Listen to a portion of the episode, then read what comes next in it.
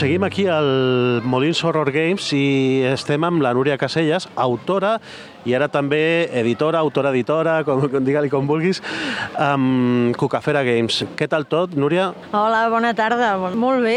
Aquí, bueno, eh, acabo d'arribar no fa gaire i veig que hi ha molta gent jugant i és un lloc fantàstic per presentar jocs i per parlar de jocs. La Núria també ha vingut aquí amb el seu portfolio i, i ve a presentar eh, un prototip i un joc que està allà, allà, a punt, a punt, a punt, eh, que és un joc molt diferent. A mi és que m'ha agradat moltíssim eh, el concepte que és Dragon Trail Barcelona. Explica'ns una mica en què consisteix aquest passaport que t'has tret de la màniga. Ha estat un projecte que he estat donant voltes durant, durant bastant temps i al final m'ha portat a crear un segell propi, el Cucafera Games, eh, perquè creia que era una cosa que no hi havia al mercat i que eh, tenia ganes de fer i era difícil que una editorial de jocs o fins i tot de llibres eh, es proposés fer, perquè això és, un, és bàsicament un joc, eh, un petit joc al carrer que ve en format de llibre, eh, és un llibret de 32 pàgines on t'indica unes petites instruccions per buscar dracs per la ciutat de Barcelona. Pels que no ho sapigueu, a Barcelona a vegades se li diu Draxalona, perquè és una ciutat on hi ha molts dracs en, en monuments, en, en fonts, en edificis.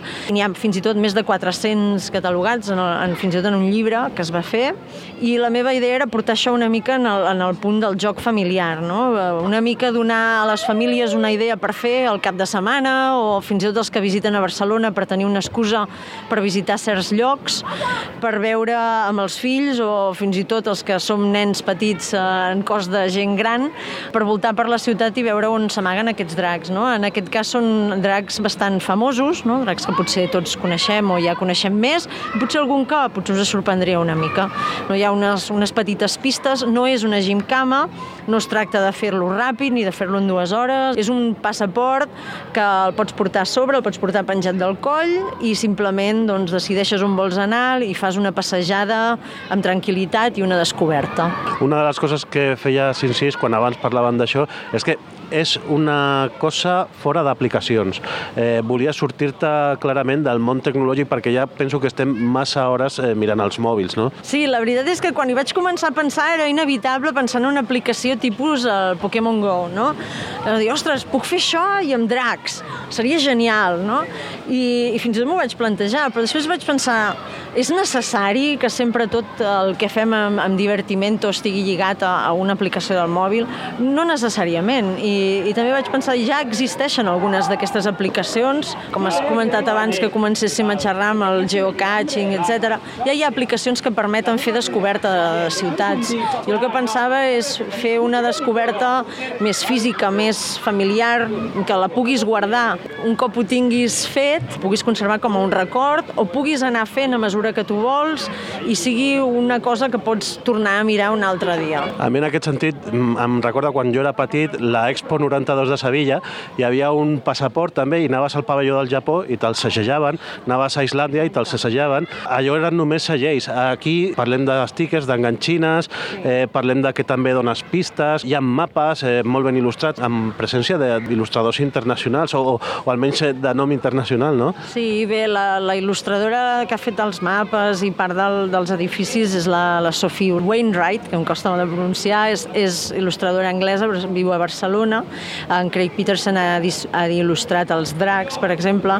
M'ha agradat molt treballar amb ells dos perquè realment hi ha moltes sinergies i ha quedat molt integrat. És molt difícil veure que hi ha diferències entre una il·lustració i l'altra. Jo crec que és, és molt bonic en aquest sentit. Però sí, la veritat és que la idea de fer un passaport no és nova, eh? diguéssim, no trenco cap cosa ni és la gran invenció del segle. Passaports se'n fan, per exemple, convencions per poder visitar les diferents botigues. Se'n va fer, per exemple, un, el turisme, que es va fer una fira de turisme ara fa poc a Barcelona i per visitar els diferents estants doncs, et donaven un passaport que et segellaven si hi anaves i llavors podies guanyar alguna cosa. Diguéssim, el tema de, de passaport com a una excusa per passejar-te i veure existeix. El que jo he fet ha estat intentar posar un joc de pistes però sense que sigui només un joc de pistes, amb un passaport però sense que sigui un passaport de segells i intentar barrejar les dues coses i fer-lo molt assequible.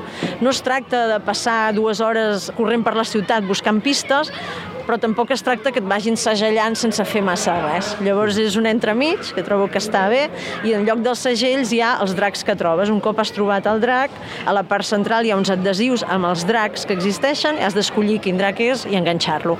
Jo crec que això és molt divertit pels nanos de la família, perquè també poden, no, poden interactuar una mica amb el passaport, potser per la part dels mapes, si són més petits no poden interactuar tant i els has d'ajudar més, però per la part dels stickers això és un clàssic. Són stickers de dracs, que sempre agraden molt. Dracs i stickers és una combinació perfecta per nens. I ara la pregunta és, si hi hagués un 2.0 d'aquest passaport, què et quedarien pendents, dracs o ciutats? Els dos. a mi m'agradaria fer més ciutats. Tinc pensat eh, poder buscar, diguéssim, tot s'ha de veure una mica com, com va aquest passaport, si a la gent li agrada, què s'ha de millorar, llavors quines són les impressions, les coses que es poden canviar per fer-lo millor, i llavors a partir d'aquí ve fer altres tipus de passaports de la mateixa ciutat, que ara estem a Barcelona, o eh, començar a fer passaports per a altres ciutats. O sigui, això, les dues coses són possibles i crec que tot depèn una mica del públic, del que agradi, del que es cregui que poden voler, no? que, que diguin, ostres, a mi m'agradaria molt trobar els dracs més amagats de Barcelona, no els que ja conec, sinó els que no sabia que existien.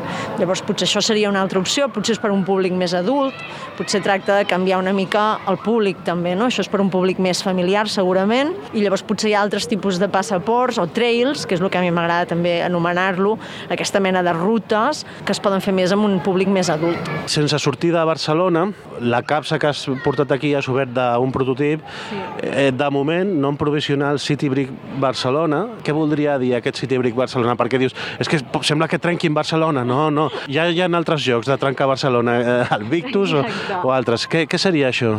Sí, el títol de moment l'estem repensant precisament perquè la traducció a vegades no és molt clara. El que volia jo era fer jocs sobre ciutats, eh? començant per la ciutat de Barcelona, perquè és la que conec més bé, mostrant una mica la cultura o, o la realitat o una mica els mites, les llegendes del lloc, no? però no sense tornar-ho completament un joc de llegendes, ni tampoc completament un joc tan real que al final tampoc m'interessa. No? I la idea del City Break era barrejar la descoberta, la passejada per Barcelona, per la ciutat, amb una mica de, de diferents idees de la ciutat, com poden ser les festes majors, com poden ser la presència de dracs, etc. És un joc, podríem dir, un euro lleuger, que està creat també amb dos autors, que són eh, l'Eloi Pujades i en Joaquim Vilalta, entre els tres, i és un joc rapidet que el que pretén és ser una competició per veure qui pot visitar la ciutat i alhora emportar-se el millor record. El millor record seria en forma de punts, però evidentment és un, és un euro. Doncs estarem atents a aquest, al final la veurem quin nom surt. Torno un altre cop al passaport, perquè és una cosa que m'ha quedat pendent. He vist que l'has tret eh, amb cinc idiomes i està molt pensat pel turista i també per la gent d'aquí, eh, lògicament.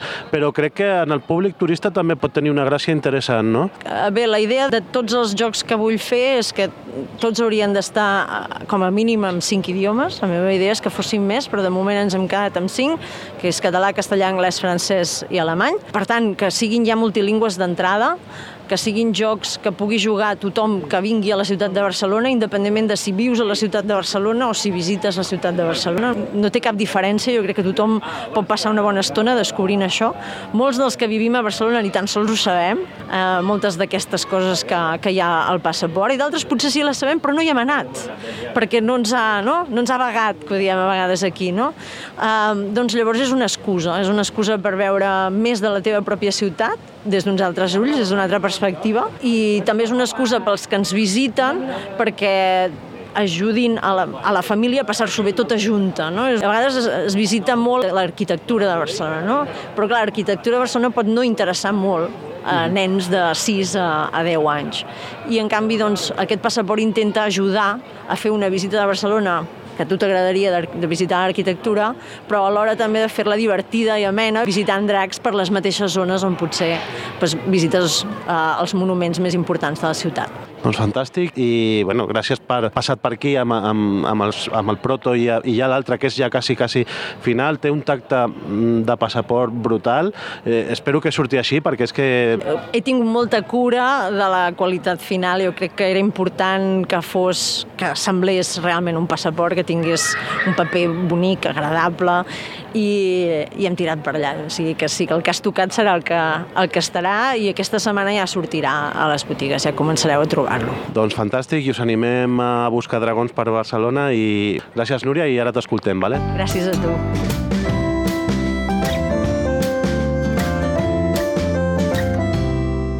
Doncs hem arribat aquí al Molins eh, Horror Games i estem amb el Sergi Sant Martí, que és docent a la Universitat Ramon Llull, a la Pere Terrés, i també ell és eh, soci de, del Club Jugones d'aquí de Molins de Rei, per això està aquí, i també eh, és part de l'organització del, del Molins Horror Festival eh, de cinema.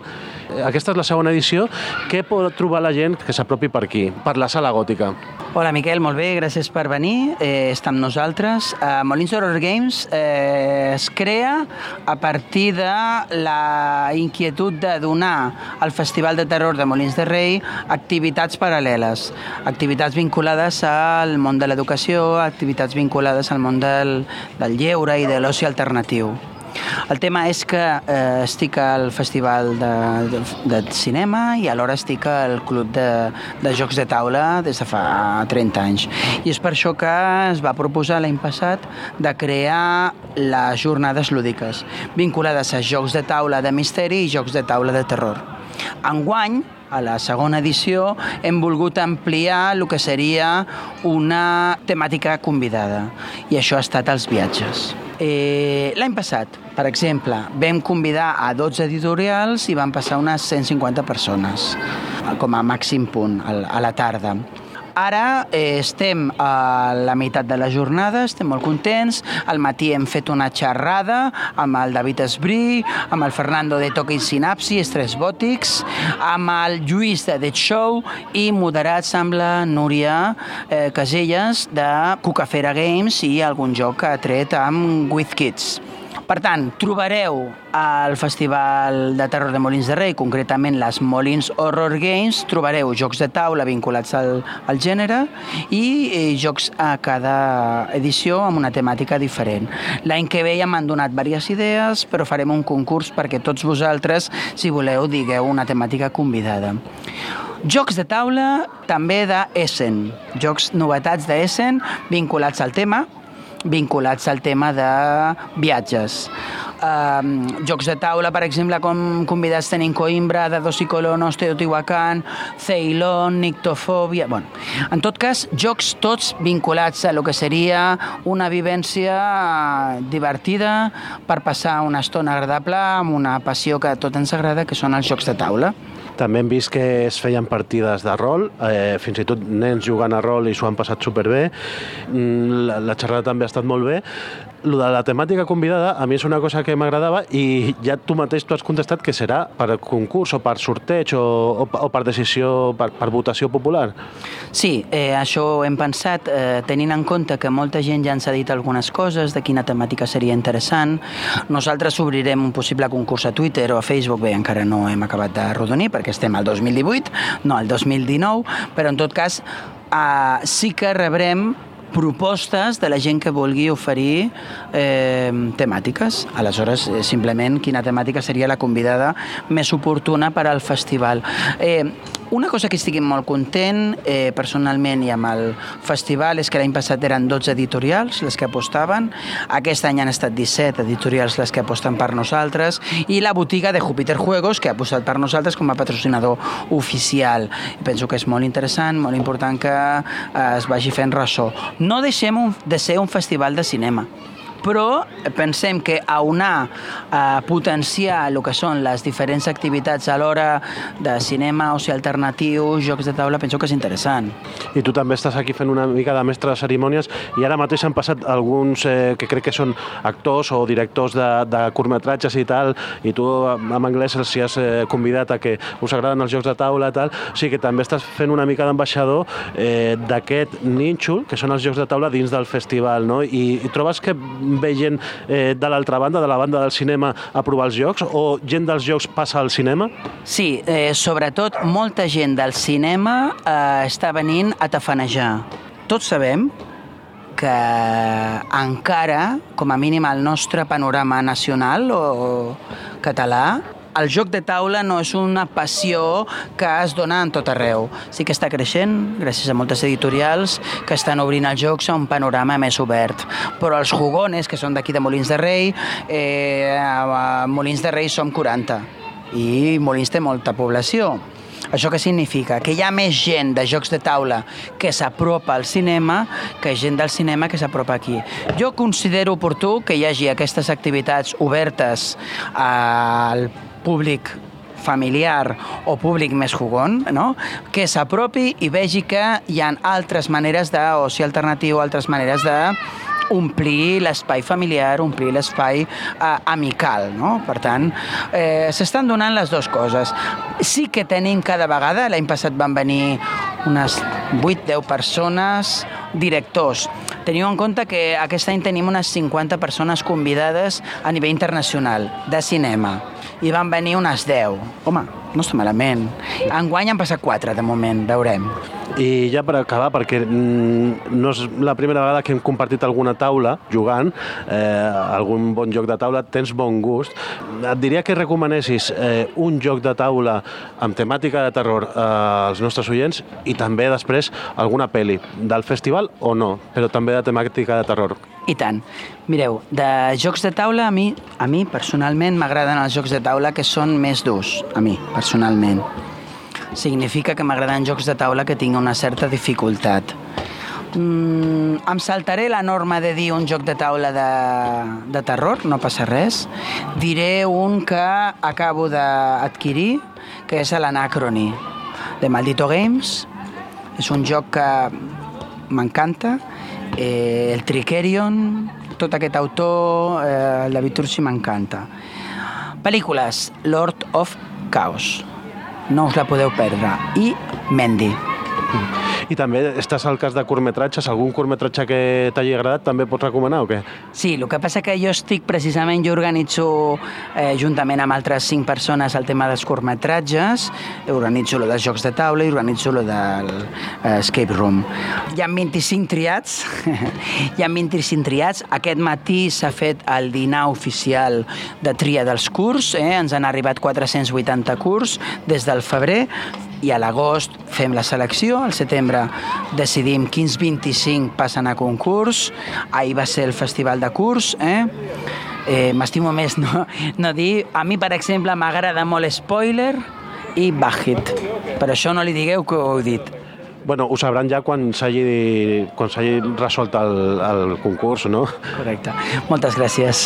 A tu, Sergi. I et deixo perquè estàs molt sol·licitat. Gràcies. Una abraçada. Adéu.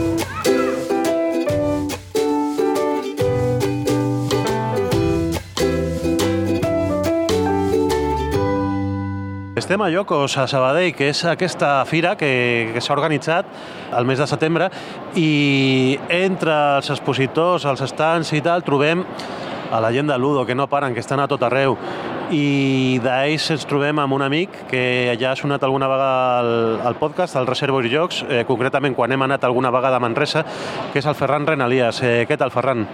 Molt bé, molt content d'estar aquí avui i poder parlar aquí amb vosaltres. Eh, Ludo està tots els saraus, Jocos era una cosa nova i podeu dir que hem estat des de la primera edició, no? si, si es fan més edicions de, de Jocos. Eh, què heu vingut a fer aquí a Jocos? Bueno, des de Ludo Catalunya el que hem intentat és involucrar-nos des de l'entitat a l'organització de certs events com pot ser els clàssics eh, Jocs del Demà on fem demostració de protos, però també hem volgut donar un caire innovador a les, a les propostes que l'Udo fa eh, en la participació del festival.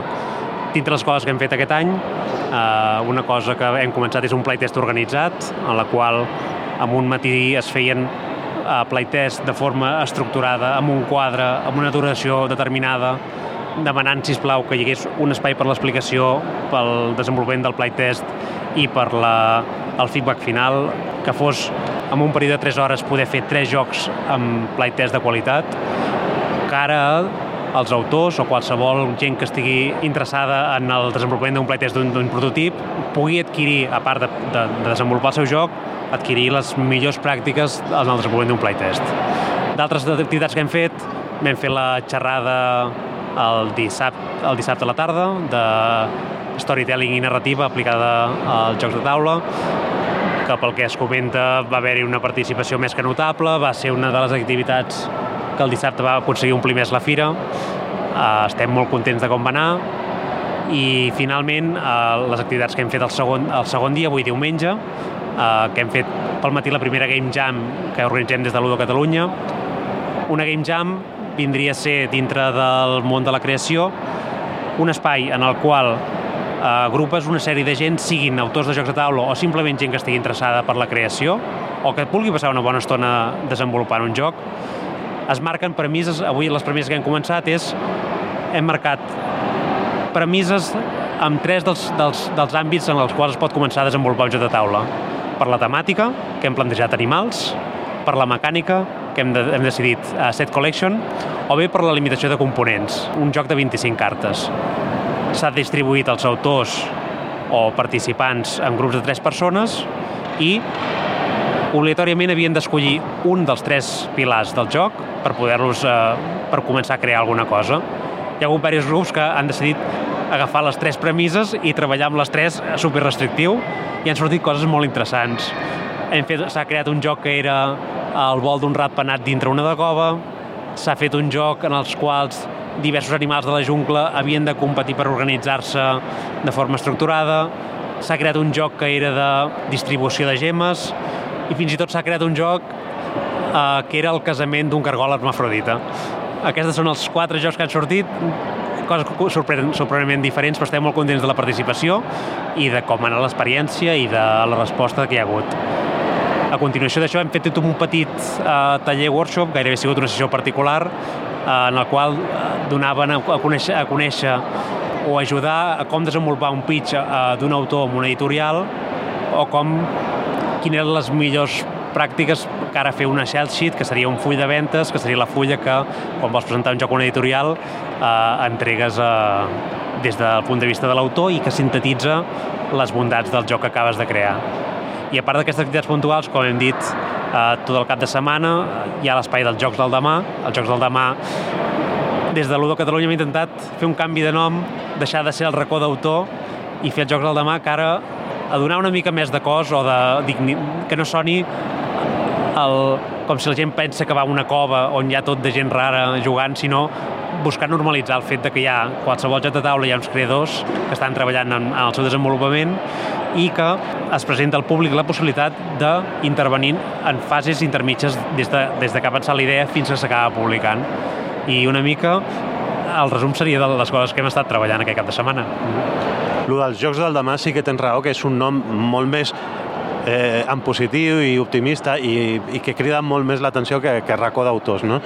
Eh, jo, en els Jocs del Demà, crec que he provat un proto, el vaig provar ahir, que era el d'Airmail, eh, un joc de distribució de correu postal als Estats Units quan es va començar a fer amb avió. Em va agradar bastant, té una mecànica curiosa que, que es juga com una, amb una mecànica de domino, és, és, és curiós i, i li vaig poder donar idees al, al seu autor que crec que, que li agradaran.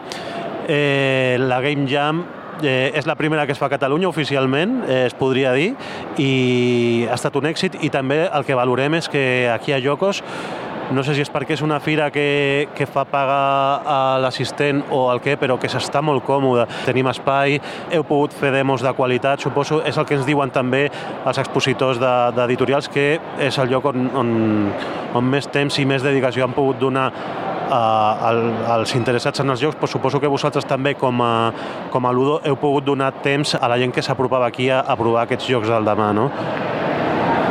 Si ens plantegem el, i donem, donem una valoració de jocos, des de l'Udo crec que la valoració és molt positiva pel fet de que l'espai que disposem és d'una qualitat molt bona, eh, està ben climatitzat, és un espai ampli, lluminós, Uh, totes les activitats que hem volgut fer hem tingut disposició d'equip tècnic propi de la fira, uh, ens ho ha posat molt fàcil. I l'altra perspectiva és la Fira Jocos, com a aposta de nova fira internacional arreu de Catalunya i arreu de l'estat espanyol, entenem que qualsevol engegada té les certes dificultats i que també creiem que aquesta primera edició doncs, mmm, potser el públic que hi ha hagut potser no ha sigut el que l'èxit de participació que esperava l'organització.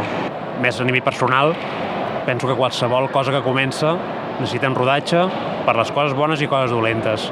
És la primera fira a Catalunya que es, que s'ha de pagar per la seva entrada. És un concepte que, que crec que no estem avasats. Mm. Uh, és una fira que ha sigut una iniciativa privada i que la, els que han organitzat aquesta iniciativa uh, fan càrrega totes les seves despeses.